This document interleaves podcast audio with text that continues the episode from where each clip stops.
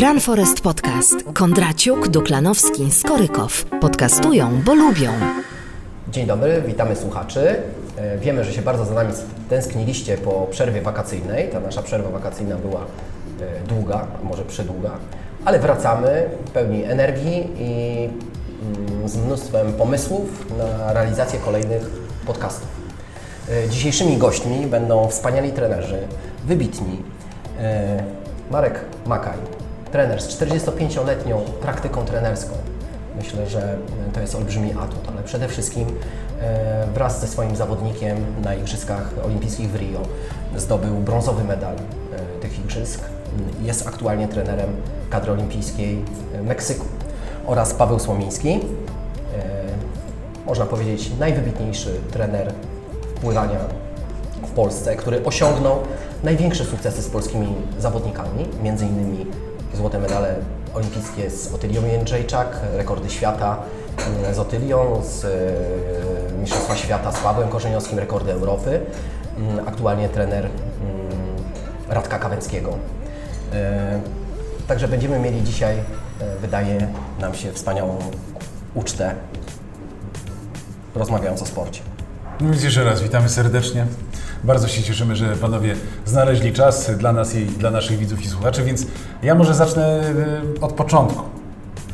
Pierwszym y, takim neutralnym pytaniem. y, Wspominaliśmy we wstępie, że medialny obraz Igrzysk Olimpijskich, bo tego chcielibyśmy zacząć, jakby punkt wyjścia do naszej rozmowy jest taki, ja to zarejestrowałem, że generalnie porażka w każdej dziedzinie.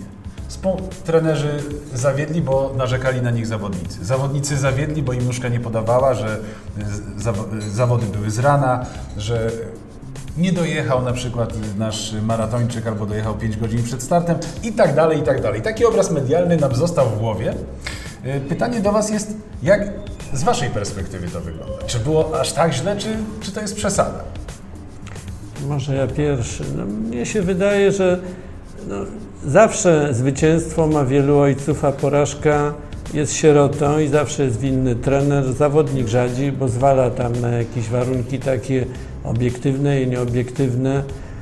Trudno mi się wypowiadać na temat Pols- Polaków, no bo byłem akurat tam z Meksykanami i no to już któraś olimpiada. No mamy taką cechę charakteru, że lubimy narzekać, że ta za zimna woda, a to rodzice, a wygrywają w sporcie ci, co po prostu nie bacząc na warunki, uwarunkowanie jakieś tam zimną wodę czy ciepłą wodę, po prostu trenują i robią swoje. Marku, jeden ma wymówki, drugi ma wyniki. No tak, to jest prawda. No, znam takich, co i dużo mieli wymówek i wyniki mieli. No, gdzieś prawda leży po środku. To nie jest tak do końca, że na wymówkach da się zbudować powiedzmy porażkę i na wymówkach da się zbudować zwycięstwo. Różnie to bywa, no, ale trzeba po prostu robić swoje. Mnie tylko zastanawia, bo tak w wielu krajach, ja akurat byłem na olimpiadach z kilkoma reprezentacjami, to już była moja szósta olimpiada z czwartą reprezentacją i na przykład w Londynie byłem z Irlandczykami i tam moja dziewczyna zajęła dziewiąte miejsce, co w Irlandii odebrali za wielki sukces. Była celebrowana tak jak medaliści, oni zdobyli wtedy pięć medali i ci, co tam powiedzmy byli w pierwszej piętnastce, wszyscy byli bardzo celebrowani. Zresztą trzeba zauważyć, że poziom olimpijski tak wzrósł, że teraz po pierwsze trzeba się zakwalifikować do olimpiady, trzeba przejść eliminacje, półfinały, finały i zdobycie medalu to jest naprawdę dzisiaj wielki wyczyn. Poza tym to nie jest tak jak kiedyś, jak w Moskwie na przykład byłem na olimpiadzie, że było 25 czy 30 krajów, które dzieliły się medalami. Teraz ponad 90 krajów zdobyły medale. Takie kraje, Wyspy Seszelskie czy coś też chcą mieć udział w tym torcie medalowym. Także wydaje mi się, że, po, że nie było tak tragicznie na tej olimpiadzie. Jednak dużo zawodników y, poprawiło swoje wyniki i no, mogą być zadowoleni. No, zawsze będzie tak, ktoś liczył na medal, a zajął piąte miejsce. No ale to jest tak blisko medalu, co czasami setne dzielą. Run Forest Podcast. Sport, kultura, styl życia. E, Paweł, ale byliśmy mm, czwartą pod względem liczebności reprezentacją e, na tych igrzyskach. Czyli wydaje mi się, że jeżeli tak liczna reprezentacja jeździ na igrzyska, to procent y, y, punktów, medali zdobytych y, powinien być większy. Ja myślę, że trzeba te rozważania w ogóle o Igrzyskach Olimpijskich i o medalach i pozycji polskiego sportu na Igrzyskach Olimpijskich rozpocząć od, od tego, czy my w ogóle jesteśmy uprawnieni do tego, żeby marzyć o większej liczbie medali niż zdobywamy. No, skoro od kilku cykli olimpijskich zdobywamy ich 10, 11 po dyskwalifikacjach zawodników w Pekinie czy w Londynie, wpadło nam parę krążków pojedynczych, więc, więc to świadczy o jakiejś tendencji, tak? o jakimś potencjale polskiego sportu. E, I wydaje mi się, że mm, e, odnosząc się tutaj też do liczebności reprezentacji, bardzo często bardziej nam zależy na tym, żeby zakwalifikować zawodnika do Igrzysk Olimpijskich, bo to jest ten splendor spływający również na miasta, na osoby i to trzeba rozumieć, że to są wyjątkowe zawody i ci ludzie jadą tam e, nie dlatego, że ktoś ich wysłał za darmo, tylko spełnili bardzo rygorystyczne kryteria kwalifikacyjne narzucone przez międzynarodowe y, federacje i, komitety olimpijskie. Natomiast no to, co Marek tutaj powiedział, sport się tak rozwinął w ostatnich dwu- dwudziestoleciu, że wywalczenie już kwalifikacji jest wielkim sukcesem, a później walka i na poszczególnych etapach tej rywalizacji e, jest bardzo trudna. E, Wydaje mi się, że e, bardzo niestety złom, złe wsparcie ze strony mimo wszystko mediów ma polski sport. Negatywne, wszystkie wyciągane negatywne informacje na temat polskich sportowców, polskich trenerów, przygotowań, y, w ogóle udziału w igrzyskach i tak dalej, przedstawiane w taki negatywny sposób, no niestety do, dokładają tego bagażu na plecy, Właśnie, na nie plecy zawodnika i ten zawodnik, i ten zawodnik w mojej ocenie, niestety to jest też chyba trochę nasza wada narodowa, jedzie na igrzyska nie po to, żeby wygrywać, tylko po to, żeby nie przegrać. I on bojąc się tej przegranej, no, bardzo często po prostu nie wytrzymuje po prostu Presji. presji psychicznej. No, I oczywiście możemy powiedzieć tak, Radosław Kawęcki to zawodowiec i mistrz, wicemistrz świata, mistrz świata na krótkiej pływalni, zdobył worek medali, więc on powinien sobie na tych igrzyskach bez żadnego problemu poradzić z emocjami. Pewnie tak. Pewnie tak możemy taką tezę wysnuć, natomiast jest tylko człowiekiem i czasami zdarza się tak, że w najmniej oczekiwanym momencie niestety takie wpadki się zdarzają. Jakbyśmy popatrzyli na liczbę szans medalowych, bo akurat kiedyś to bardzo szczegółowo analizowałem jako pracownik Ministerstwa Sportu i zespołów współpracujących tam przy tych reprezentacjach olimpijskich, to zazwyczaj mamy taką skuteczność startową e, na poziomie 40-45%, czyli jeżeli wyjeżdż- wyjeżdżają zawodnicy z szansami na medal, to realizują się w okolicy około 40-45%. Bolą wpadki takie jak fajtka na przykład, stuprocentowego kandydata do medalu, takiego jak e, powiedzmy nawet Radek Kawęcki, ale to się zdarza i podejrzewam, że w każdej reprezentacji mamy takie przypadki, zresztą w pływaniu było mnóstwo takich e, sytuacji też na, na pływalni w Rio, gdzie faworyci nie zdobywali medali. My to widzimy podwójnie, bo to jest ten nasz. Nie weszliśmy do finałów, ani w biegach, To prawda. ani w pływaniu. W pły- w pływaniu nie pobi pobiliśmy tylko jeden rekord życiowy. Tak? E, Majszak e, ustanowił rekordy i to, i to jest ten pozytywny, poz- pozytywne światełko na ja- Jaka, jak liczebna była nasza reprezentacja? 20? 20 zawodników. 20 zawodników. Bije jeden zawodnik na najważniejszej imprezie czterolecia, bije rekordy życiowe. No właśnie, tylko chciałbym zwrócić uwagę na jedną rzecz szkoleniową, bo oceniać jest bardzo łatwo. To nie było, y, to tych kilkunastu czy dwudziestu zawodników nie było prowadzonych przez jednego trenera i to jest tak, tak, charakterystyczne. Więc tak, kilka myśli szkoleniowych, kilka rozwiązań organizacyjnych. Przypomnę, że starty pływaków były w środku nocy i tutaj ewidentnie nie poradziliśmy sobie z problemem y, przystosowania zawodników do rywalizacji w nocnych warunkach, ale sam jako trener no, cały czas pracujący na warsztacie, ja niestety nie znalazłem doniesień naukowych na temat wysiłku, skrajnego wysiłku, sportowego wysiłku w trakcie godzin nocnych, więc Ale ja zacząłem to badać. To znaczy zacząłem, e, zasięgnąłem e, języka. Pierwsza rzecz, którą zrobiłem, zadzwoniłem do Ryszarda Szula, fizjologa. Powiedziałem o sytuacji, w której e, zawodnicy przygotowując się do startu w nocy, trenowali w nocy. Czyli trenowali wieczorem o godzinie 21 y, czy 20, ale również o 13, tam, kiedy y, miały odbywać się godzinach eliminacji i powiedział od razu, że to jest błędne myślenie. To znaczy on powiedział, że nie trenuje się o 13, bo organizm ma bardzo słabe zdolności wysiłkowe o tej porze. O tej porze powinien odpoczywać po obiedzie. Mm, A już najgorsze ma o 21.30, dokładnie to określił, o 21.30, czyli wtedy nie powinno się w ogóle trenować. Mm, e, Wytłumaczył mi, że aklimatyzuje się człowiek poprzez odpowiednio wcześniejszy wyjazd na takie zawody. Nie aklimatyzuje się do strefy czasowej w kraju. Mm, Bardzo fajną rzecz powiedział, że jeden z najwybitniejszych polskich sportowców mm, dzwonił do niego, jego podopieczny i mówił trenerze, zrobiłem kupę o tej porze, o której robię e, na co dzień w Polsce. Ja wiedziałem, że tak to się skończy. Super, super, to jest, to jest dla mnie świetna informacja, e, jesteś czasowo zaklimatyzowany, tak? Ale nie trenował w godzinach, w których teoretycznie miał tam później startować. Były w polskiej reprezentacji, przynajmniej w pływaniu, stosowane różne rozwiązania. Ja przyjąłem wariant taki, że trenowaliśmy faktycznie w godzinach popołudniowych i późnonocnych po to, żeby zawodnik, który budzi się w nocy, to nie jest kwestia tylko wydolności organizmu, ale to jest również kwestia związana z organizacją jakiegoś sposobu życia. Tak? Zawodnik się musi nauczyć jeść o godzinie pierwszej w nocy, bo o tej godzinie będzie wracał do wioski po, po wyścigu półfinałowym czy finałowym. On się musi całkowicie przestawić na inny sposób funkcjonowania.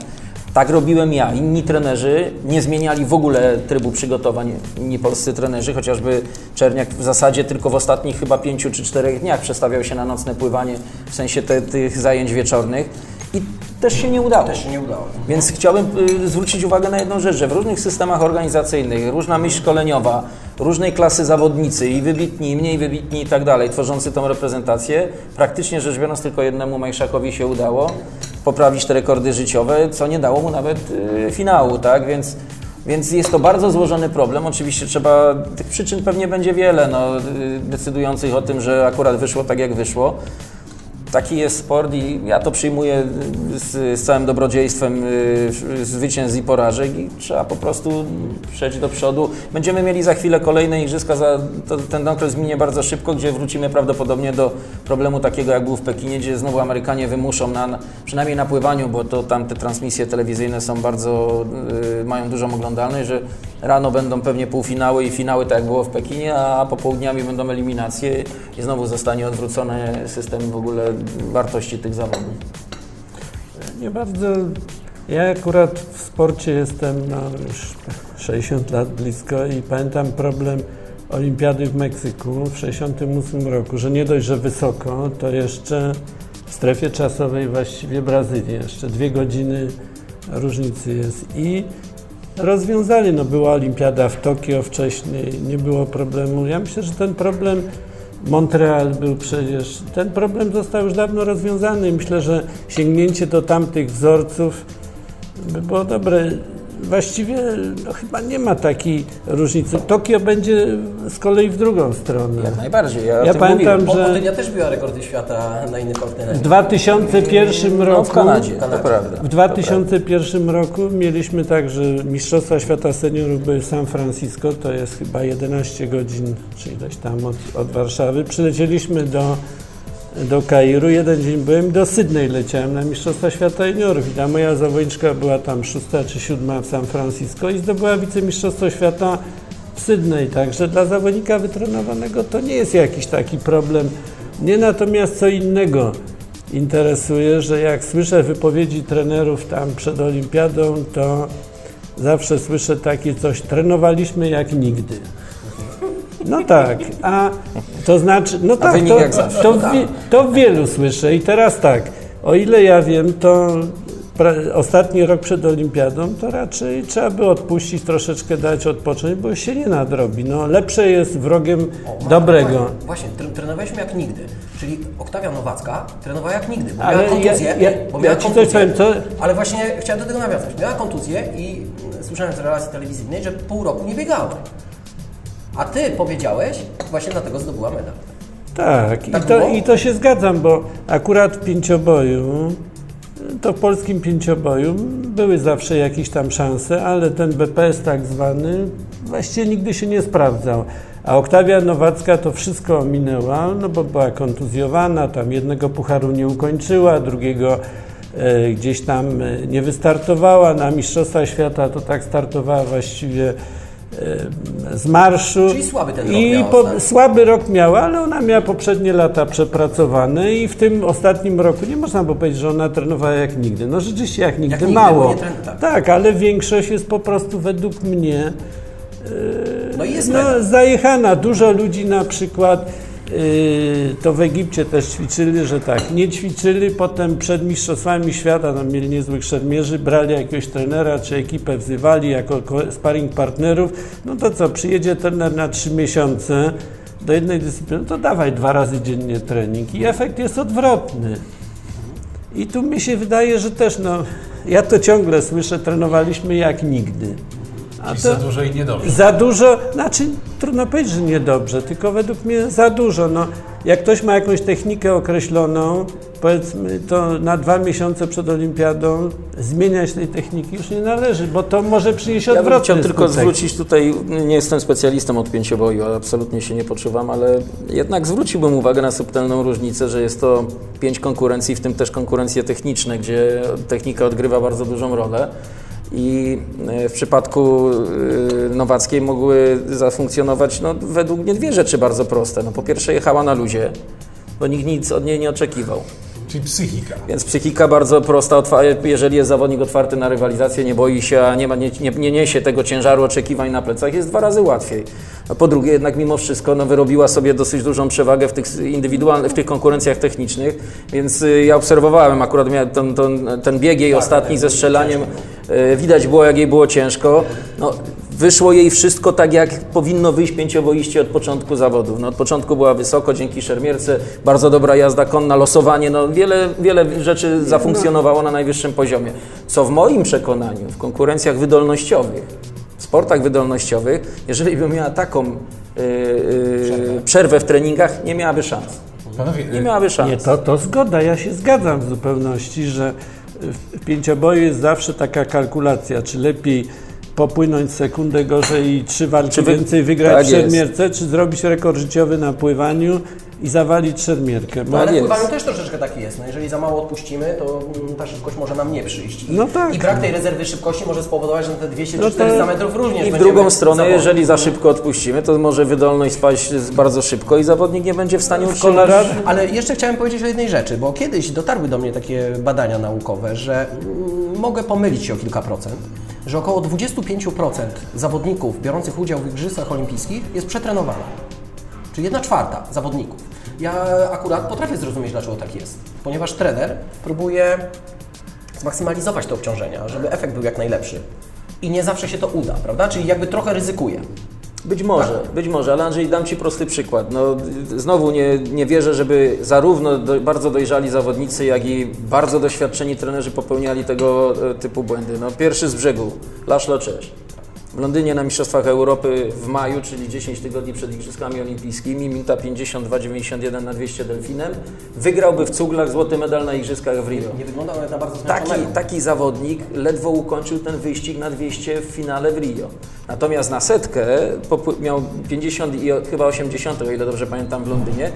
W Rio popłynął 51-14, ale ponieważ to jest tak światowej klasy wynik, to załapał się na srebrny medal z dwójką pozostałych wielkich zawodników Leclos i, i Phelpsem.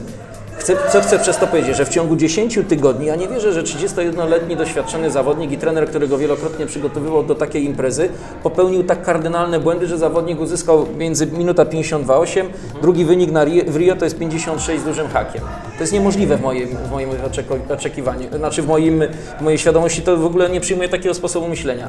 Wydaje mi się, że jednak były problemy z aklimatyzacją. Bo my spłaszczamy temat troszeczkę, dlatego że y, popatrzmy też na to, że Rio jest na innej półkuli, na półkuli południowej i naprawdę ilość światła, które wpada do mózgu, która uwalnia hormony i tak dalej, jest zupełnie inna. Wtedy, kiedy tam o 18 robiło się ciemno, to u nas jest jasno i tak dalej. No, y, to nie była tylko kwestia zmiany stref czasowych, ale również y, pór dnia i i zaburzenia hor- tej gospodarki hormonalnej. Najprościej by było wyjechać tam z pół roku wcześniej pewnie, albo z rok potrenować. Y, Zwróćcie uwagę na bardzo prostą rzecz. W, w zasadzie w zawody w pływaniu zdominowali Amerykanie. Chodzi o te godziny nocne. Dlaczego? Dlatego, że ta godzina 22, czy jak się zaczynały zawody, to w Stanach to jest 18-19. Czyli godziny treningu. Oni nic nie zmieniali.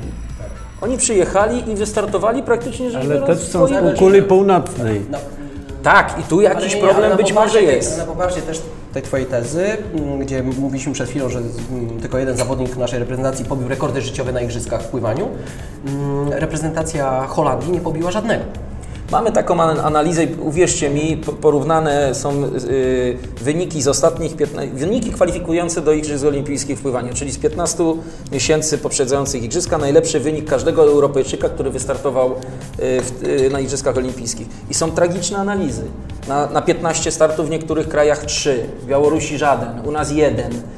W Holandii, tak jak powiedziałeś, praktycznie rzecz biorąc, chyba jeden zawodnik. W Belgii chyba tylko ten złoty medalista na stokrałem.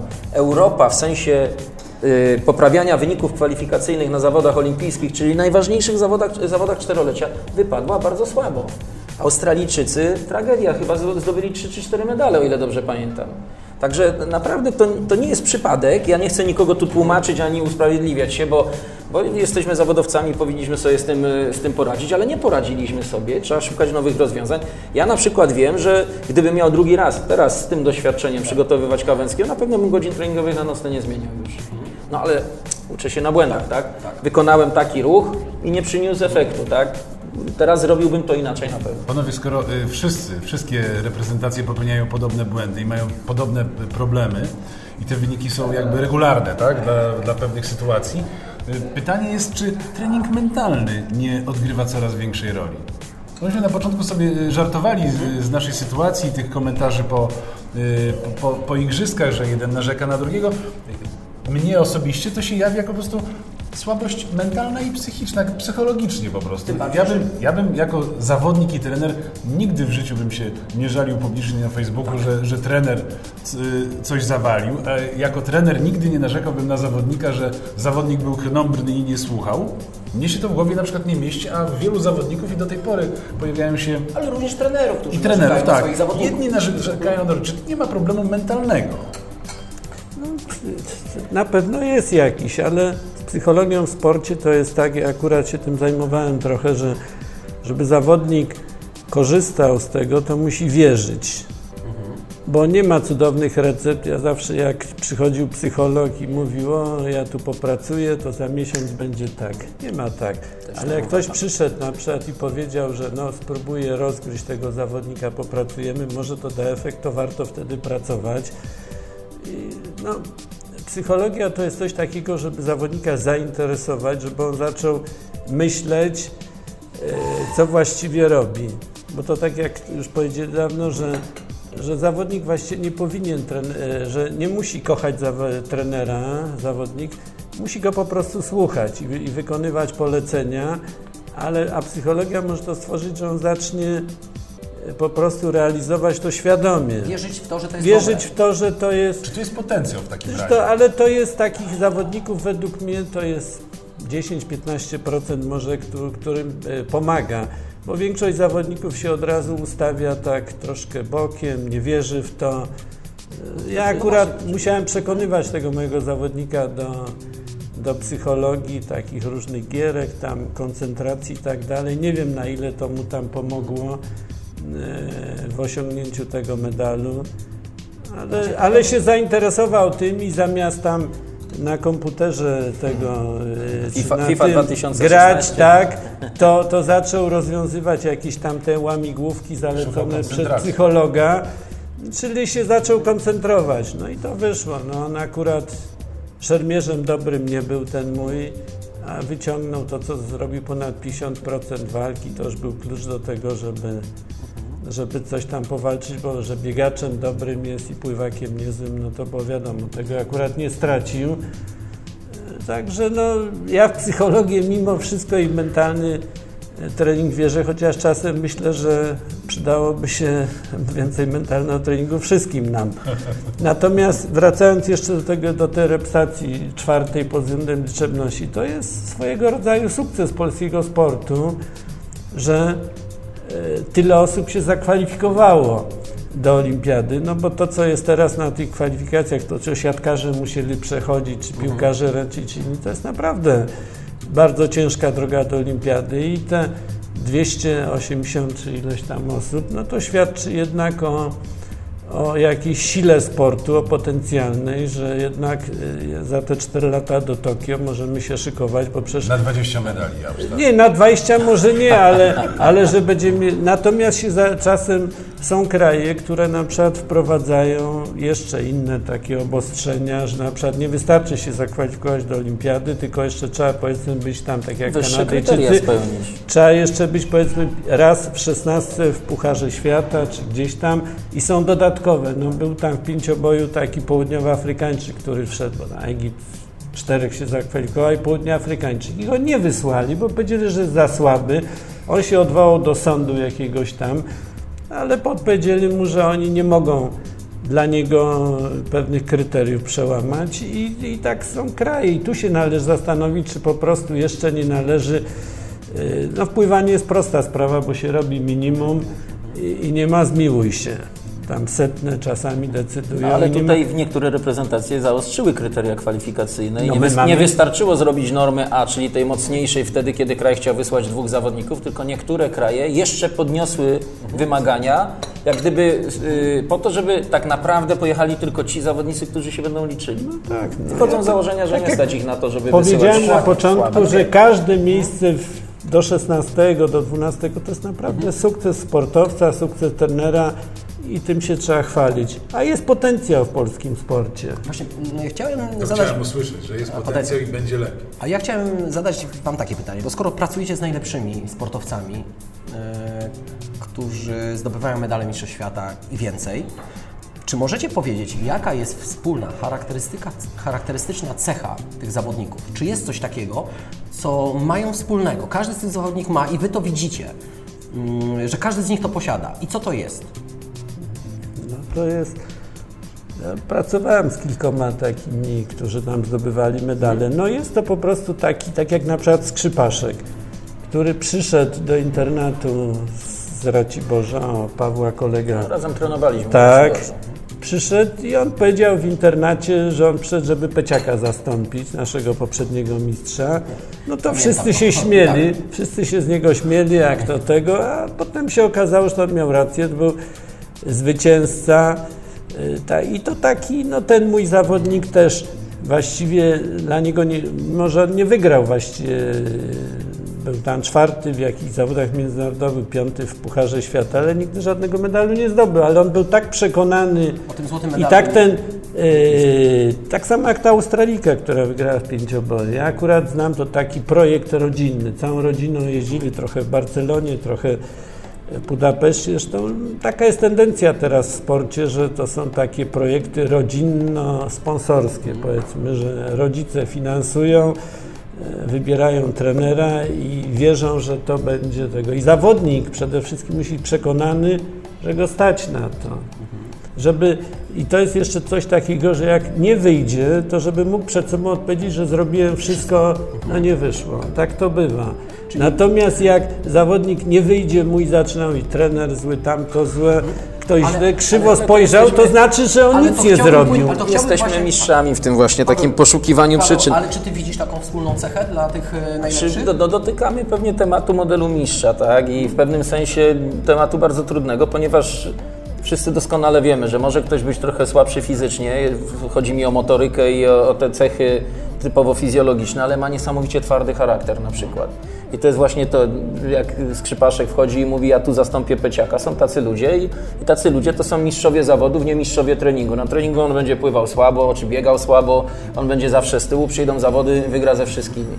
A drugi oczywiście model to jest taki, który na treningu będzie zasuwał nie wiadomo jak, na zawodach nic nie pokaże, bo ma słabą psychikę z kolei, ale może w pewnym sensie nadrobić tym talentem y, fizjologicznym, organizmem, który świetnie odpowiada, tylko że tutaj będzie trochę trudniej, będą wahania pewnie formy, bo raz będzie dobrze nastawiony do, do walki, raz pęknie, jak my to mówimy i tak dalej. No, jest bardzo wiele składowych tych, które które y, mówią, że, że zawodnik będzie y, takim wspaniałym zawodnikiem najlepiej, jeżeli tych cech ma wszystkich po trochę. No, no Tylia na przykład nienawidziła przegrywać i, i to była chyba jej ta chęć zwycięstwa, pokonania wszystkich, która czasami powodowała w niej skrajne emocje tak samo, że potrafiła płakać gdzieś tam w kącie, bo sobie nie radziła z tym. No to jednak powodowała, że pchała ją do przodu i ona wygrywała. No, Paweł Korzyniowski, wspaniałe warunki fizyczne, wiemy o tym, że układ krążenia płuca i tak dalej, to jakbyśmy postawili malucha przy, przy Maybachu, y, różne dwa silniki i tak dalej. I człowiek, który też do pewnego momentu, mam takie wrażenie, niesamowicie twardy, taki przekonany o swojej wartości, ale pod koniec kariery już te dźwiganie na plecach tego, że 28 medal, czy zdobyty przeze mnie i oczekiwania, że musi być kolejny, musi być kolejny, już było trochę trudniej, tak?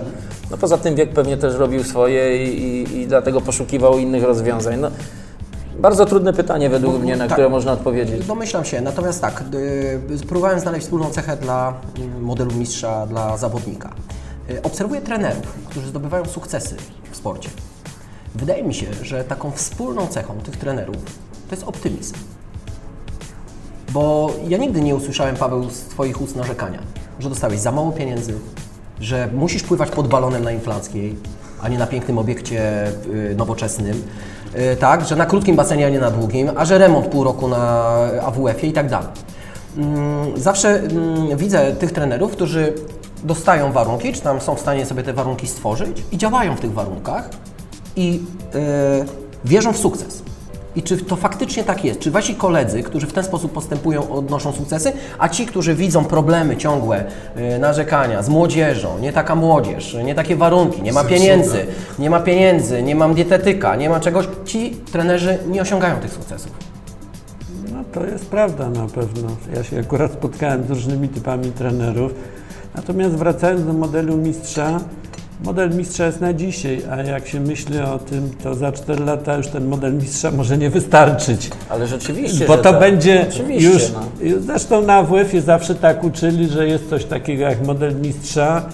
e, A, a, to, a to za 4 lata trzeba szykować zawodnika, co ma może dłuższe nogi, lepsze parametry fizjologiczne. nowy model mistrza. Mo, nowy model mistrza tak na przyszłość. No, także- wpływanie, zresztą podejrzewam, że w szermierce pewnie tak samo, tak sobie to wyobrażam. Wy, ludzie wygrywają różnymi technikami, całkowicie innymi od tego, co przed chwilą mówię, że mistrz świata kiedyś pływał na prostych rękach, teraz pływa na ugiętych, za chwilę będzie pływał jeszcze na innych, ale to wynika z jego budowy anatomicznej. Każdy ma taką swoją, jakąś yy, prywatną, jak no, powiedzmy kolokwialnie, technikę wynikającą z tego, jak, jak jest zbudowany. I, i ja mówiąc o modelu mistrza, miałem na myśli tylko i wyłącznie to, że nie, nie wskazujemy jednego, jednego modelu, właśnie człowieka, który będzie wygrywał na przykład w konkurencji 100 metrów stylem dowolnym, tylko że to jest zespół cech. Jedne są przeważające, drugie są mniej wartościowe, ale generalnie rzecz biorąc, uzupełniając się, dają nam ten model mistrza, który mistrza w sensie zwycięzcy, o może w ten sposób trzeba to powiedzieć. No. Natomiast wracając z kolei do tych trenerów, no, Różnie to bywa z tymi warunkami. Ja mam takie, takie wrażenie, że czasami im gorsze warunki, tym bardziej ludzie ambitni się mobilizują do pracy. I Australijczycy na przykład potrafili wysyłać swoich najlepszych sprinterów, zawodników, to wiem na pewno, do jednostki Marines, gdzie po to, żeby oni zobaczyli, jak, jak, jak ćwiczą y, australijscy komandosi, w jakich warunkach, jaki muszą skrajny wysiłek pokonać, jakie mają, jaką mają musztrę, jak się zachowują. Widocznie mieli może problem też trochę z dyscypliną z tymi zawodnikami. No takie rzeczy też ludzie stosują, tak? I faktycznie jest tak, że czasami jak się ma wszystko, to, naj, to najmniej wychodzi, no bo człowiek się robi, y, czuje w komfortowych warunkach i mówi, jak już tak wszystko, tak jest mi dobrze, to mogę też mniej trochę zrobić, Jest bo, ciepełko, bo jest ciepełko, stopień taki jestem nie- dobry, że, ja, że na pewno wygram. No, no. W Stanach Zjednoczonych jest tak, że na przykład część zawodników jest z wojsku. I oni tak, i oni mają taki system, że nie mają tak jak u nas, że są cały czas w cywilu. Oni mają jeden dzień w tygodniu normalne wojsko i w zależności jak są, tam akurat w Colorado Springs są te Air Force Academy i mają normalne zajęcia, tak jak obsługa jakaś lotniska, ciężko ganiają ich po moczarach, po górach, pracują, a mało tego, jak kończy, tam jest czteroletni cykl i pierwszy rok mają normalną służbę. Dopiero potem zaczynają ich delegują do tego, żeby sport uprawiali. Także i cały czas jak coś nie będzie wychodzić albo no się obijać, to im grozi, że wrócą do tego wojska. I to jest też, no Amerykanie mają taki, oni w ogóle mają taki charakter zwycięzcy. Amerykanie to jak Wiara w siebie i w ja pamiętam kraj, jak w. Sydney na olimpiadzie, tam był taki zawodnik Chad Senior, który prowadził po, przed końmi, tam na tych koniach trochę spadł na siódme miejsce. No i Peciak do niego mówi, słuchaj Chad, masz szansę na brązowy medal. No, powiedziałem, mnie brązowy nie interesuje. No, jego, jego, oni są nastawieni na złoty medal, na wygranie, mają tego, czego my trochę nie mamy, bo my się chcemy e, Panowie, czego załapać. Możemy, czego możemy się zatem nauczyć od y, sportowców z innych krajów? Co możemy od nich wziąć? Pewnie z każdego kraju coś, coś po trochu, tak? No na, pewno, na pewno to, co tutaj Marek mówi o Amerykanach, to nie podlega żadnej dyskusji. No to jak oni się zachowują na starcie, jak oni są pewni swojej wartości, oni to wynoszą z domu, oni to wynoszą no, z tej dumy narodowej, że Amerykanie są najlepsi na świecie. Według mnie dwa razy lżej jest im rywalizować niż naszym zawodnikom. No i niestety te ileś tam lat y, y, w pewnym systemie, w którym byliśmy wychowywani, dźwigamy cały czas i zanim następne pokolenia się nie zmienią i, nie, nie, dorosną do tego, żeby uwierzyć w siebie, że naprawdę jesteśmy narodem, który może powalczyć, y, powalczyć o, nawet z najlepszymi, no to musi trochę czasu minąć i nad tym wszyscy razem musimy pracować, bo znowu wracając do psychologii, według mnie człowiek rodzi się i jego się nie zmieni. On ma taką psychikę, albo jest ekstrawertykiem, albo introwertykiem, ma, ma pewne cechy psychologiczne. Natomiast narzędziami, o których Marek tu mówi, możemy mu pomóc, nauczyć się koncentracji, relaksacji itd., tak itd. Tak I to na pewno powinniśmy robić.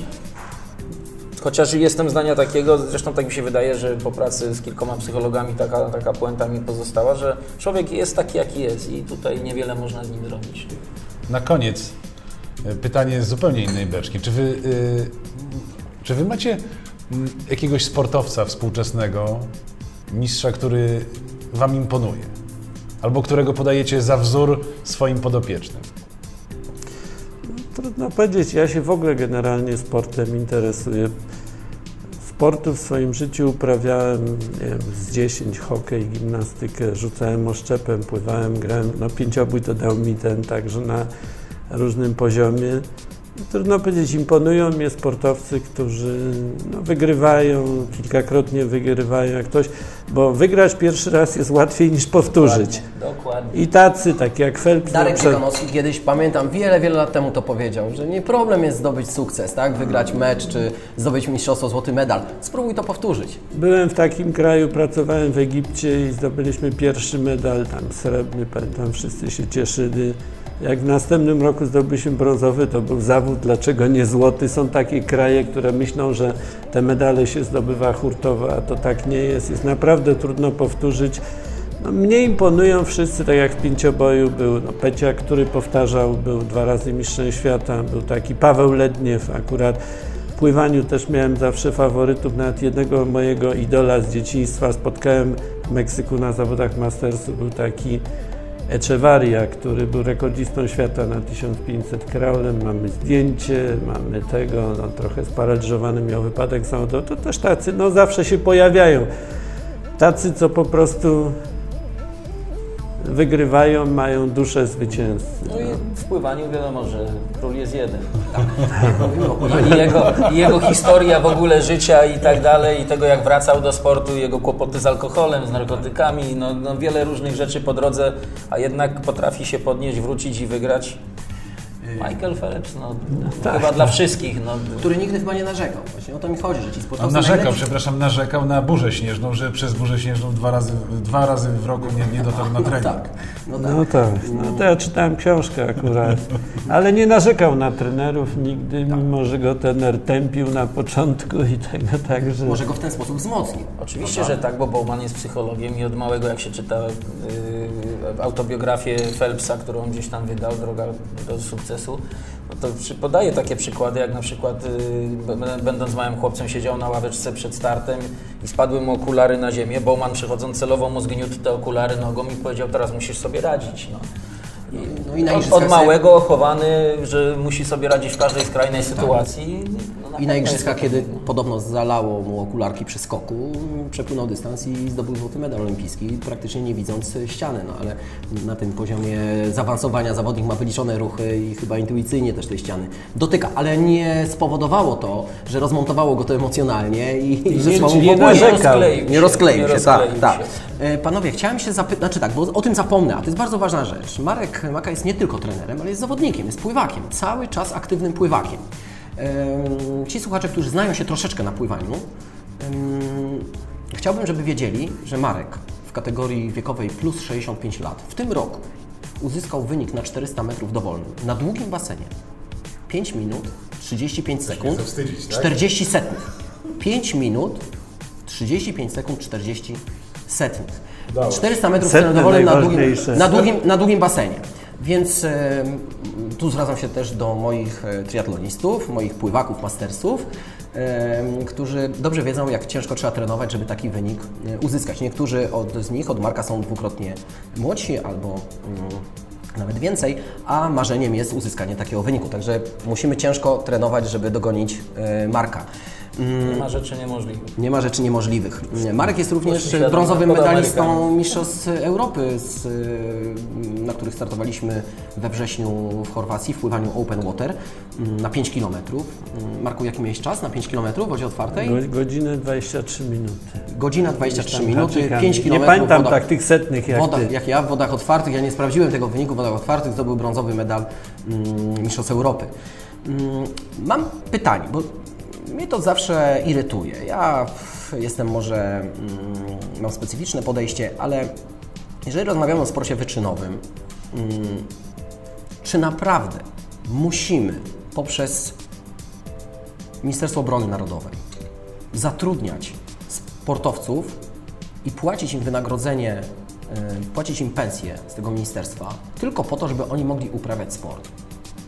Czy nie ma jakichś innych rozwiązań, żeby mm, odciągnąć? Bo chodzi mi o to, że może lepiej zatrudnić ich w Państwowej Akademii Nauk. No bo też oni przyczyniają się do rozwoju nauki, ci sportowcy. Tam im płacić, może to będzie mniej kosztowało. Dlaczego instytucje państwowe muszą zatrudniać, służby mundurowe muszą zatrudniać albo zatrudniają e, wojskowych na pseudoetatach tak naprawdę? Kiedyś w komunizmie śmialiśmy się, że zatrudniają piłkarza w kopalni i on do tej kopalni nigdy nie zjechał. I to było śmieszne. Dzisiaj, ja nie wiem, czy ktoś się z tego śmieje.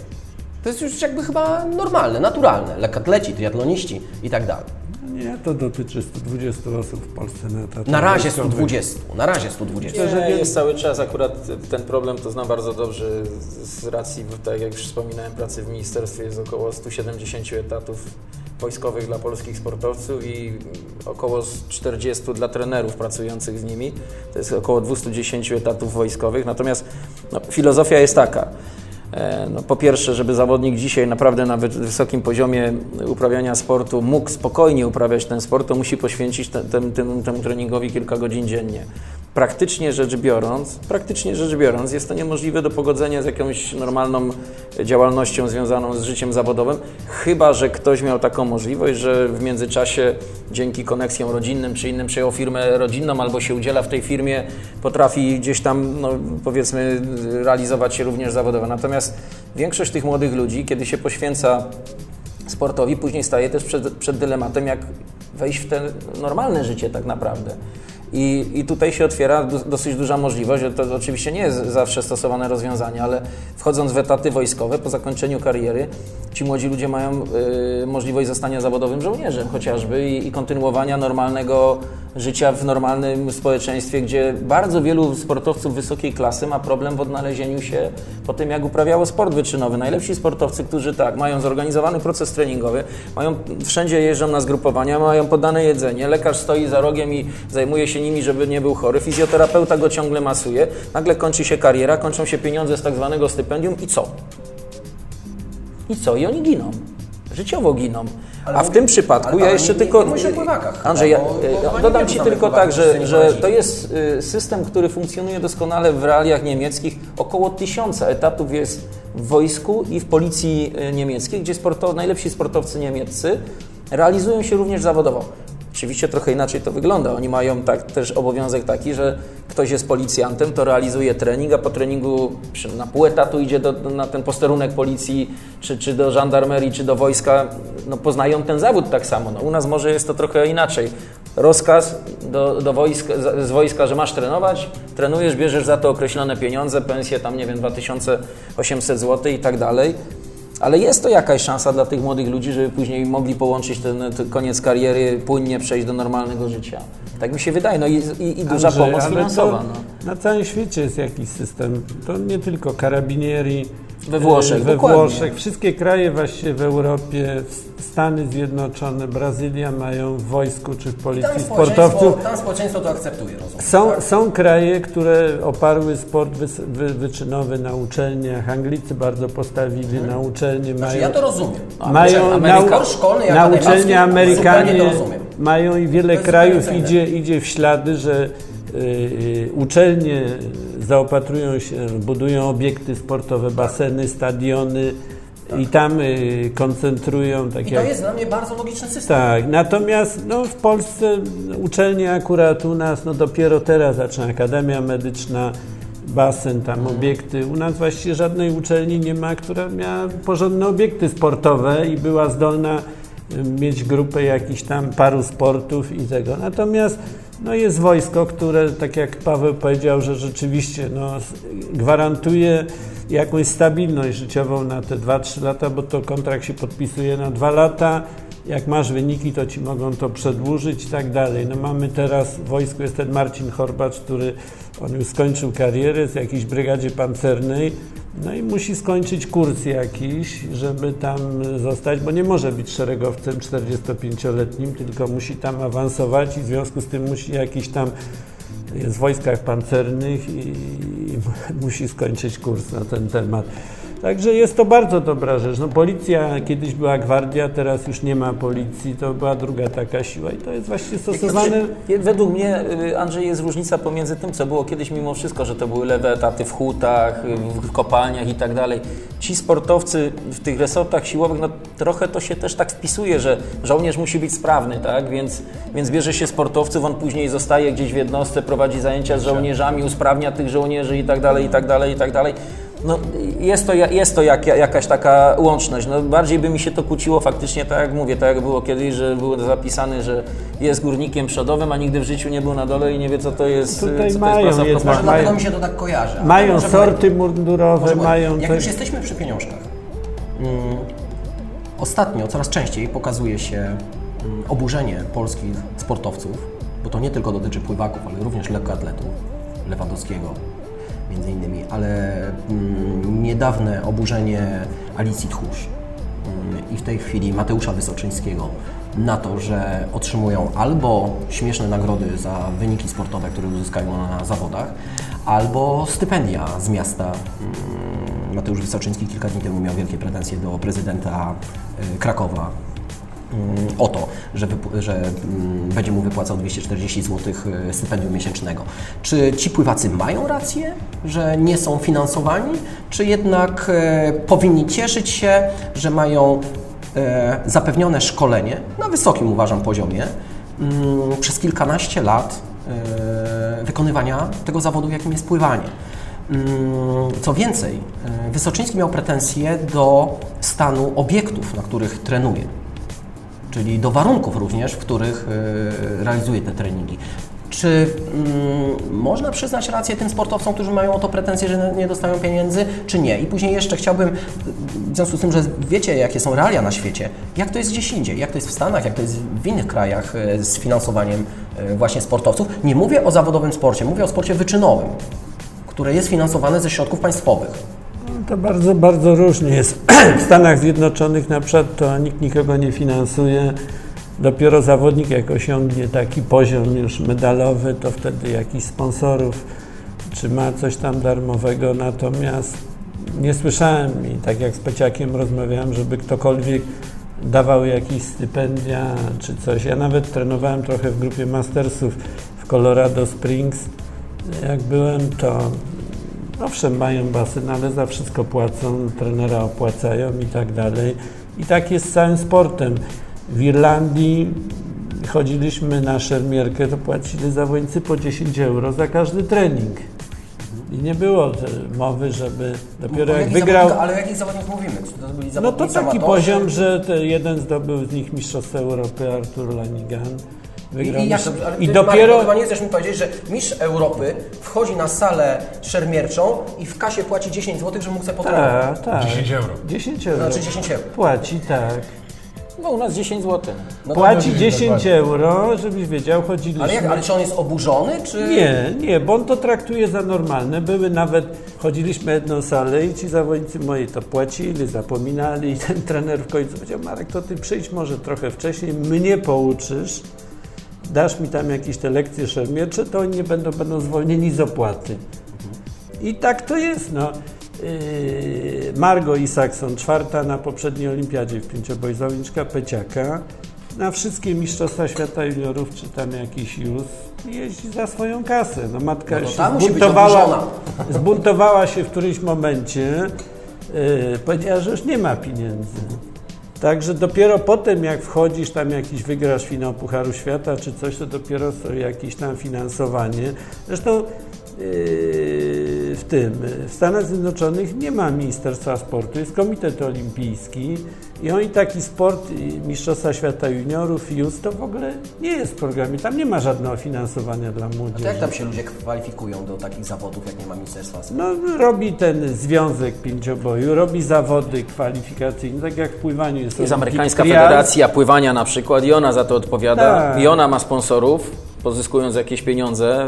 A Komitet Olimpijski jest bogatą instytucją bardzo, bo to on był w Colorado Springs kiedyś, teraz z tego ośrodka wynieśli tam gdzieś. I ich sport młodzieżowy mistrz świata juniorów to jest splendor dla jakiegoś tam... Jakie jest Twoje zdanie na temat tego finansowania tych jednostek, tych poszczególnych zawodników? Czy oni naprawdę mają tak źle? Czy, czy powinni mieć więcej? Ja bym bardzo chciał, żeby wszyscy dostawali stypendia, żeby była sprawa jasna, tak? I, I to by było najbardziej komfortowe, chociażby po to, żeby móc stawiać zawodnikowi wymagania i, i nie dyskutować na te tematy. Raz na zawsze ten temat zamknąć. Natomiast no, mam świadomość tego, jak funkcjonuje polska gospodarka, w jakiej jesteśmy sytuacji też y, społecznej i jakie są y, oczekiwania w stosunku do wszystkich y, grup zawodów, bo tak to trzeba nazwać, bo w pewnym sensie ten sportowiec wyczynowy uprawiający nawet pływanie na poziomie szczela mistrza Polski czy, czy finalisty mistrzostw Europy, obojętnie na, na krótkim czy na długim basenie, to poświęca temu sportowi dokładnie tak jak tutaj żeśmy rozmawiali, kilka godzin dziennie, od 5 do 7 musi trenować, no to więc jest to kosztem albo edukacji, albo kosztem pracy, gdzie nie może tej pracy znaleźć, pracować i tak dalej.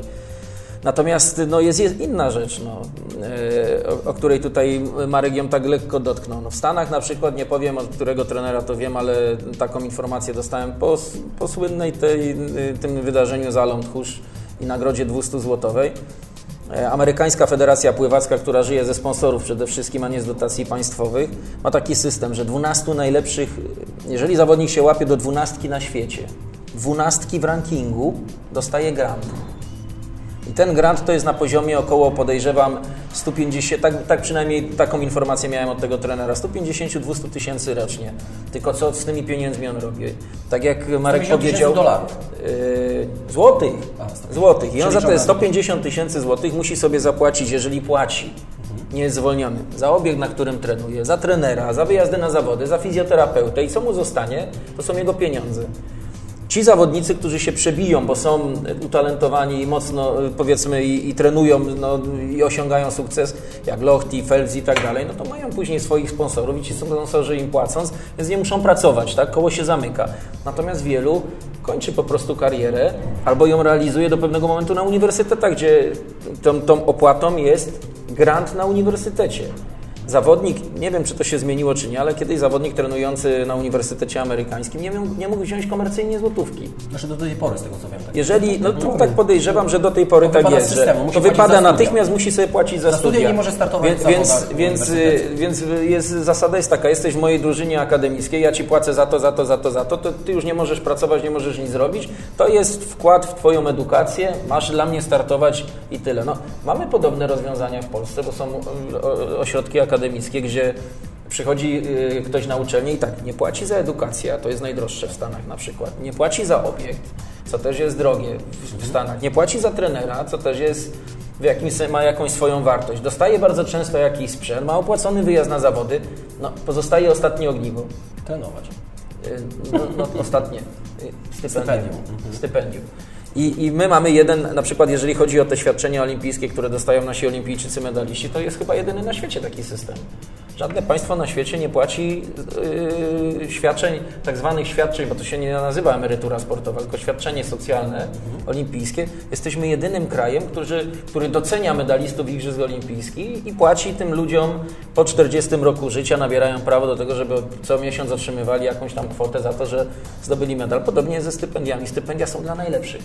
Jest system państwowy, trzeba spełnić określone jakieś tam kryteria. Czyli są stypendia tylko dla najlepszych. Dla najlepszych, tych, którzy są w ósemce Mistrzostw Świata, Europy, Igrzysk Olimpijskich i tak dalej. Natomiast te stypendia, które wzbudzają tyle emocji u zawodników, ja tu potrafię zrozumieć e, Mateusza Wysoczyńskiego, że 200 zł to jest żadna kwota, ale z drugiej strony no, określa to jakiś podmiot. Tutaj jest to prezydent i Rada Miasta i oni wyceniają jak gdyby w pewnym sensie osiągnięcie medal Mistrzostw Polski takiego zawodnika na 200 zł, tak? No to y, mam wrażenie takie, że gdzieś to musi być zapisane, że zawodnik ma świadomość, że bierze 200 zł za to, że, że osiągnął taki poziom sportowy. Jeżeli mu to nie odpowiada, to mówi tak, nie trenuję, idę do roboty, Albo no, trenuje grać w tenisa. Albo, albo, albo nie wiem, no, albo zostaje tak wydaje zawodowym, majątek, tak zawodowym pływakiem, że za chwilę będę mistrzem Europy i dostanę państwowe stypendium. Znaczy, ja rozumiem ten problem i emocje z tym związane, natomiast nie widzę na tą chwilę w naszej rzeczywistości wyjścia z tego. No, musieli, musieliby się pojawić sponsorzy, prywatne pieniądze i tak dalej, a- to jest bardzo trudne. Jest bardzo trudne. Znaczy to nie jest tak z tymi stypendiami, tak jak powiedziałeś, bo na wschód od naszej granicy, gdzie mają medali więcej, też są stypendia takie, te dożywotnie emerytury olimpijskie. E, tak, i Rosja, i Białoruś, i Ukraina, i Litwa wszystko mają, i Meksyk, i tam dużo, i Brazylia też to e, mają takie emerytury dla medalistów olimpijskich, także to nie jest tak. Natomiast ja to akurat na temat Polski, no, z- internetu, gdzieś z telewizji, z rozmów, wiem, że u nas nie ma takiego jednego systemu finansowania sportu. Na przykład jak związek dostaje budżet jakiś tam określony, to się okazuje, że ten budżet to jest w sumie summa summarum dużo większy, bo poprzez szkoły sportowe, poprzez jakieś sporty młodzieżowe, poprzez inne dostaje jeszcze drugie tyle pieniędzy. Różne takie, to nie są tak i to tak. Trzeba wydać na określone rzeczy to, a potem to idzie wszystko na tego mistrza, czy tam wicemistrza, czy kogoś, kto jest tam w pierwszej ósemce i nie ma, nie ma takiego czegoś jak dostajecie tyle pieniędzy i już więcej nie dostaniecie i gospodarujcie. A to zawsze jeszcze związki są takie, że tak, budżet se ustalą do połowy roku, czy do tego, bo potem liczą, a to ministerstwo, czy tam ktoś doda tych pieniędzy, no bo co, nie pojedziemy na Mistrzostwa Świata, czy coś. I to nie jest tak, że jest budżet od 1 stycznia do 31 stycznia, tylko bardzo często wszystkie pieniądze zostają wydane, wiesz o tym na pewno, bo Tak, jesteś tak, w ale- ministerstwie, to... Byłem, byłem. Natomiast Byłeś, no. trzeba wyjaśnić jedną rzecz zasadniczą, że z pozycji ministerstwa, czyli organu centralnego, ministerstwo nie finansuje sportu na poziomie regionalnym. Jak gdyby te programy ministerialne, te sto kilkadziesiąt tam milionów y, budżetowych środków y, przeznaczonych, to są przy, y, środki przeznaczone na najlepszych polskich sportowców i na przygotowania do Igrzysk Olimpijskich, Mistrzostw Świata i Europy. Natomiast wszyscy ci zawodnicy, którzy nie spełniają kryteriów wynikowych lub już wiekowych, czyli przecież no, jesteśmy fachowcami, no też wiemy, jakie są średnie wieku medalistów. One, oczywiście, że są odchylenia, tak, ale jest jakiś trend, że kiedyś pływanie było sportem dla ludzi młodych, teraz się przesunęło do góry i jest trochę inaczej, tak. Chcę, co chcę przez to powiedzieć, że część tych zawodników po prostu nigdy w życiu y, nie ma takich pieniędzy w Ministerstwie Sportu, żeby można było nimi opłacić wszystko. Więc część musi być zagospodarowana przez y, struktury regionalne, czyli miasta, gminy i tak dalej, i tak dalej. Jeżeli tutaj nie ma zrozumienia dla sportu, Ktoś uważa, że nie warto inwestować w sport, bo są inne dziedziny życia, które wymagają większych inwestycji. Albo, albo nie lubimy sportu danego, tak? Albo uważamy, że lepiej dać na piłkę nożną, bo przyjdzie 30 tysięcy kibiców czy 40 co tydzień i to jest reklama dla tego miasta realna, a na pływanie przychodzi 20 czy 30 na, na zawody pływackie, no to wtedy stypendia będą 200 zł. No i niestety tego nie zmienimy. I ministerstwo tego też nie zmieni. No. Wiecie, co mnie nie. najbardziej oburza w tej całej sytuacji? Sposób oburzenia naszych sportowców. No, forma Tak, jest... nie- nie Forma, każdy- forma jest absolutnie poniżej jakiejkolwiek Forma jest krytyki. Każdy jest politykiem, każdy, niektórzy mówią to, co im ślina na język przyniesie. No tacy są ludzie, no. Impulsywni, potem jak się zastanowią dwa razy, to, to żałują tego, ale tego już się nie da cofnąć, bo wszystko jest nagrane, zapisane i tak dalej. mam, no. mam do Was takie pytanie, bo to mnie też zawsze nurtowało. Paweł, y, osiągnąłeś y, w sporcie pływackim jako trener bardzo wiele, nie chcę powiedzieć wszystko, bo, bo pewnie jeszcze wiele przed Tobą. Mm, Marku, również y, osiągnąłeś, masz niesamowitą wiedzę. Pracowałeś w trzech, czterech reprezentacjach olimpijskich na świecie. Czterech. Czterech. Mm, mm, W związku z tym, powiedz mi, czy y, ile razy dostałeś propozycję pracy w Polsce? No, rozumiem, że nie podjąłeś tej pracy, więc, więc z niej zrezygnowałeś, ale ciekaw jestem, jak często dostajesz tą propozycję, czy z ministerstwa, czy z Polskiego Związku Pięcioboju Nowoczesnego. Nie bardzo jest zainteresowanie. Ale dostałeś propozycję? Nie. No jedną dostałem kiedyś, ale to się tak skończyło. Nie, nawet nie odrzuciłem, tylko prezesa zwolnili wtedy. Aha, I się nie udało, czyli, Bo jedną, się nie udało. czyli jedną na 20 lat E, propozycję. tak, ale- Dobrze, powiedz mi jeszcze jedną rzecz, no bo skoro znasz te systemy olimpijskie wielu państw, y, sam powiedziałeś, że to jest Twoja szóste Igrzyska Olimpijskie, E, więc no, Twoja wiedza jest bezcenna.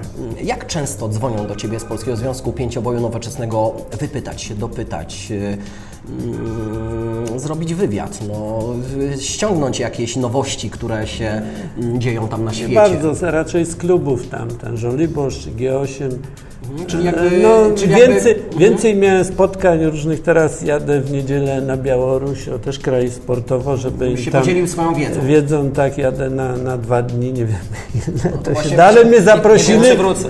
nie wrócić wrócę, natomiast no e, też myślę, że chociaż czytam akurat pływanie, tam ma te konferencje trenerskie, ma ma ten, nie wiem jak z innymi dyscyplinami, ale pięciobój to właściwie się tak szczerze nie chcę, bo to są wszystko moi koledzy, ale trochę się kisi we własnym sosie. I nie chcę za bardzo tak wpuścić kogoś, e, żeby się dopytać. No nikogo nie ma, Peciak jest, ale właśnie on jest bardziej ze Stanami, związany jest dyrektorem technicznym Międzynarodowej Federacji, ale Paweł, raczej tak. jesteśmy kiepsko reprezentowani w tej takiej e, metodycznej dziedzinie sportu. Paweł, a w stosunku do Ciebie odwrócę to pytanie. E, Zacząłem od tego, że, że, osiągnąłeś, że osiągnąłeś, e, osiągnąłeś bardzo wiele w sporcie pływackim jako trener. Czy otrzymałeś kiedyś propozycję z zagranicznej federacji? Tak, miałem takie propozycje. Po rozstaniu z Pawłem Korzeniowskim y, nawet prowadziłem już takie rozmowy z y, prezesem z jednych bardzo dużych klubów w Turcji, gdzie y, naprawdę zarabiałbym takie pieniądze, o których mogę tutaj tylko pomarzyć. I czy to była jedna propozycja, czy zdarzały Ci się jakieś inne rozmowy? Nie, nie mówię, że jakieś konkretne, tylko chodzi mi o to, jakie Znaczy, jest to zainteresowanie jest- polskimi trenerami To pływania jest, na to jest kwestia, y, to jest kwestia y, chyba też trochę własnego charakteru. No, ja jestem takim z natury domatorem i, i naprawdę ja się najlepiej czuję w Polsce. Tu podziwiam, podziwiam Marka, że jeździ po świecie i jak gdyby poszukuje tej pracy w różnych krajach, bo ja się niespecjalnie dobrze adoptuję w innych sytuacjach. Przecież jesteś ponad 200 dni w roku poza domem. I już, już, Paweł- bardzo, już bardzo mi to doskwiera i, i bardzo chętnie spędzam pod Warszawą w swoim domu coraz więcej czasu. Natomiast y, ta propozycja, o której mówimy, była bardzo intratna. Mam, ja sobie powiedziałem w ten sposób, że dotąd, do, dokąd mogę pracować w kraju i pracować e, e, tak, że wyżywię swoją rodzinę i będę mógł egzystować na pewnym poziomie, to nie będę poszukiwał niczego za granicą. Uważam, że ta moja wiedza powinna być wykorzystana tutaj. Trzymam się tej zasady póki co i nie musiałem zmieniać miejsca zamieszkania, chociaż tak jak powiedziałem, naprawdę propozycja z Turcji była niesamowicie intratna, bo wrog bym tyle nie zrobił w No Polsce, wiesz, co... to ja też się wahałem pierwszy raz, wyjechałem, mając 45 lat. I to właściwie, no myśmy mieli w tym pięcioboju w tym czasie wyniki właściwie to mnie praca szukała bardziej, bo ja jeszcze będąc w Egipcie e, zaproponowali mi pracę w Australii w 99 e, Później w Meksyku pierwszy raz tam, no na skutek tam jakaś rewolucja, czy coś tam było, czy ta świńska grypa i to tak dalej. I potem jak w Egipcie straciłem pracę, no bo ta rewolucja, te wszystkie rozruchy, to ludzie się zaczęli zgłaszać po prostu. Nie wiem, wiesz, y, rynek trenerów pływania jest, jest dużo większy, jest dużo trenerów, bo ja spotykam, jak gdzieś tam jeżdżę, są polscy trenerzy pracujący w Stanach, we Francji, Tak, gdzie, no tak. to nazwisk to szermierka i pływanie chyba mają największą ilość trenerów y, polskich za granicą pracujących i z dobrymi reputacjami i tego. Natomiast y, w pewnym tym, no tak jak cię szuka są federacje, które chcą wyniki podnieść, które jakieś projekty tam, tak jak ja byłem właściwie w Meksyku z takiego projektu, że tam sponsor się znalazł, rodzice, zawodnik wierzył, no i to tak Czyli taki wypaliło. zbieg okoliczności troszeczkę. Zbieg to, okoliczności, żeby ale szukają wtedy trenera takiego. No. Ja wychodzę z założenia, że takiego, że jak stwierdzę kiedyś, że już wszystko wiem o trenerstwie, to się wypiszę i zacznę tylko pływać, bo po prostu Znaczy, kiedyś powiedziałeś mi taką bardzo fajną rzecz, zresztą to było w Chorwacji. E, Jak komplementowałem Twoje doświadczenia zawodowe, powiedziałeś spokojnie, spokojnie, bo trener, który uwierzy w swoje e, możliwości, wie, że już wie dużo albo wszystko, to już jest koniec trenera. Brawo, brawo. Ja uważam I tak powiedzia- samo. powiedziałeś, powiedziałeś mi wtedy, że Ty się uczysz Tak jest. od trenerów, którzy dopiero zaczynają swoją pracę. Tak. Podglądasz na basenie, co oni tam wyprawiają. I idziesz i podglądasz.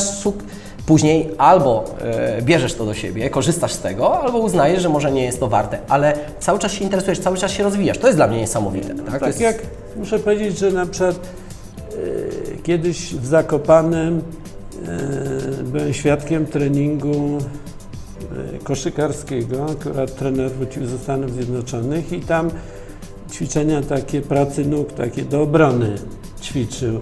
I mnie się to przydało bardzo do, do szermierki, te ćwiczenia takie, także z każdej dyscypliny można sobie coś zaadoptować, no tak jak do pływania w ogólnorozwojówce, czy tam e, w pięcioboju, no to jest duże pole do popisu, bo do tej pory jak e, w tym e, chodziłem na takie te konferencje, bo nas przyczepiali raz do sportów walki, raz do sportów wytrzymałościowych, no więc jak ktoś chciał analizować pięciobój, to zawsze rezygnował, no bo tak, tu pływanie, no to łatwo jest pływanie, ale jak to pogodzić z szermierką albo z końmi, no to trzeba, jak zrobić wynik w pływaniu, pływając tam pięć razy w tygodniu na przykład tylko. I zrobić, okazuje się, że można, bo ten Egipcjanin tam minutę 55 na, na, wygrał dwie olimpiady i po minutę 55 pływając, to jest dobry wynik pływacki. Bardzo przyzwoity. No. Ja- Ja podziwiam trenerów, którzy wychodzą i mówią ja wiem najlepiej, ja wiem jak zrobić siebie mistrza, ja wiem, ja wiem, ja wiem, ja wiem. Sam mam wiele wątpliwości cały czas i od, od, od początku swojej kariery podglądałem, czy to, czy to Hanie Klimek-Włodarczyk, jak, Włodarczak jak trenowała Ale Pęczak, Mariusza Siembidę, czy Alka Ogińskiego, czy... Czy nasz no, mastersów, nas czy- mastersów tu podglądałeś na Wszystkich, pod, wszystkich. Y, Czasami trzeba, chodząc po pływaniu, wydaje się, że trener nie zwraca uwagi na nic, co się dzieje, a tak naprawdę kątem oka sobie się obserwuje. No w tamtym, kiedy byłem młodym trenerem, to po prostu siadałem bezczelnie na trybunach i oglądałem treningi Janka Harmozy czy kogoś innego, po to, żeby później z tego, to nie jest tak, że to robimy to samo, tylko tak jak Marek mówi, tu podglądnę coś, tam podglądnę coś, potem sobie przełożę to na moją modłę, na moją wiedzę, na moją intuicję i tworzymy jakiś własny autorski warunki. program, Tak, który, i, na- tak. i na swoje warunki, bo te warunki odgrywają bardzo dużą rolę przecież. I z tego się potem rodzi jakiś program, który daje efekty. No, Tak to po prostu jest. No. Paweł, ostatnie moje pytanie do Ciebie. Mm, Nie chcesz zmieniać miejsca zamieszkania. Chcesz tutaj pozostać w Warszawie. E, powiedz mi w takim razie, co chciałbyś zmienić, kiedy zostaniesz już prezesem Polskiego Związku Pływackiego, a wybory za trzy tygodnie. no, bardzo daleko posunięta, posunięta teza. Nie za trzy tygodnie, tylko dokładnie 12-13 listopad chyba, o ile y, dobrze pamiętam. Więcej czasu. Jest dużo czasu, żeby pomyśleć nad programem.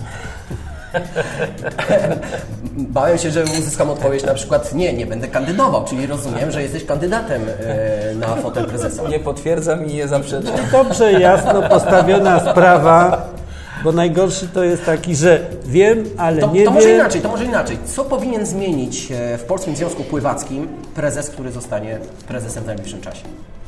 Żeby było lepiej, na lepsze. Co takiego jest najistotniejszego? Mastersów potraktować poważnie. To jest osobny, to jest osobny problem. Myślę, że ministerialny, osobny problem Przede wszystkim musi zmienić prezesa. Ale jeżeli już tak się stało, którego jak wiadomo, że mamy w tej chwili no, taką sytuację nietypową w związku, że nie mamy prezesa, bo jest zawieszony. No. no i na pewno jest wiele rzeczy do uporządkowania. Ja jestem zwolennikiem e, tego, aby były jasne kryteria, żeby ludzie wiedzieli, co muszą zrobić, żeby no, funkcjonować i coś w zamian za to, w cudzysłowie oczywiście otrzymać, tak? Bo, niestety oczekiwania według związku to są takie zawsze, że zauważam, że wszyscy coś od związku chcą otrzymać. Tylko pytanie jeszcze za co, jaki poziom powinni prezentować, jak to powinno funkcjonować i tak dalej. Yy, przejrzystość, wiarygodność, uczciwość i tak dalej. To są te rzeczy, które ja uważam, że związek ten, który będzie kierował związkiem powinien y, zaprezentować.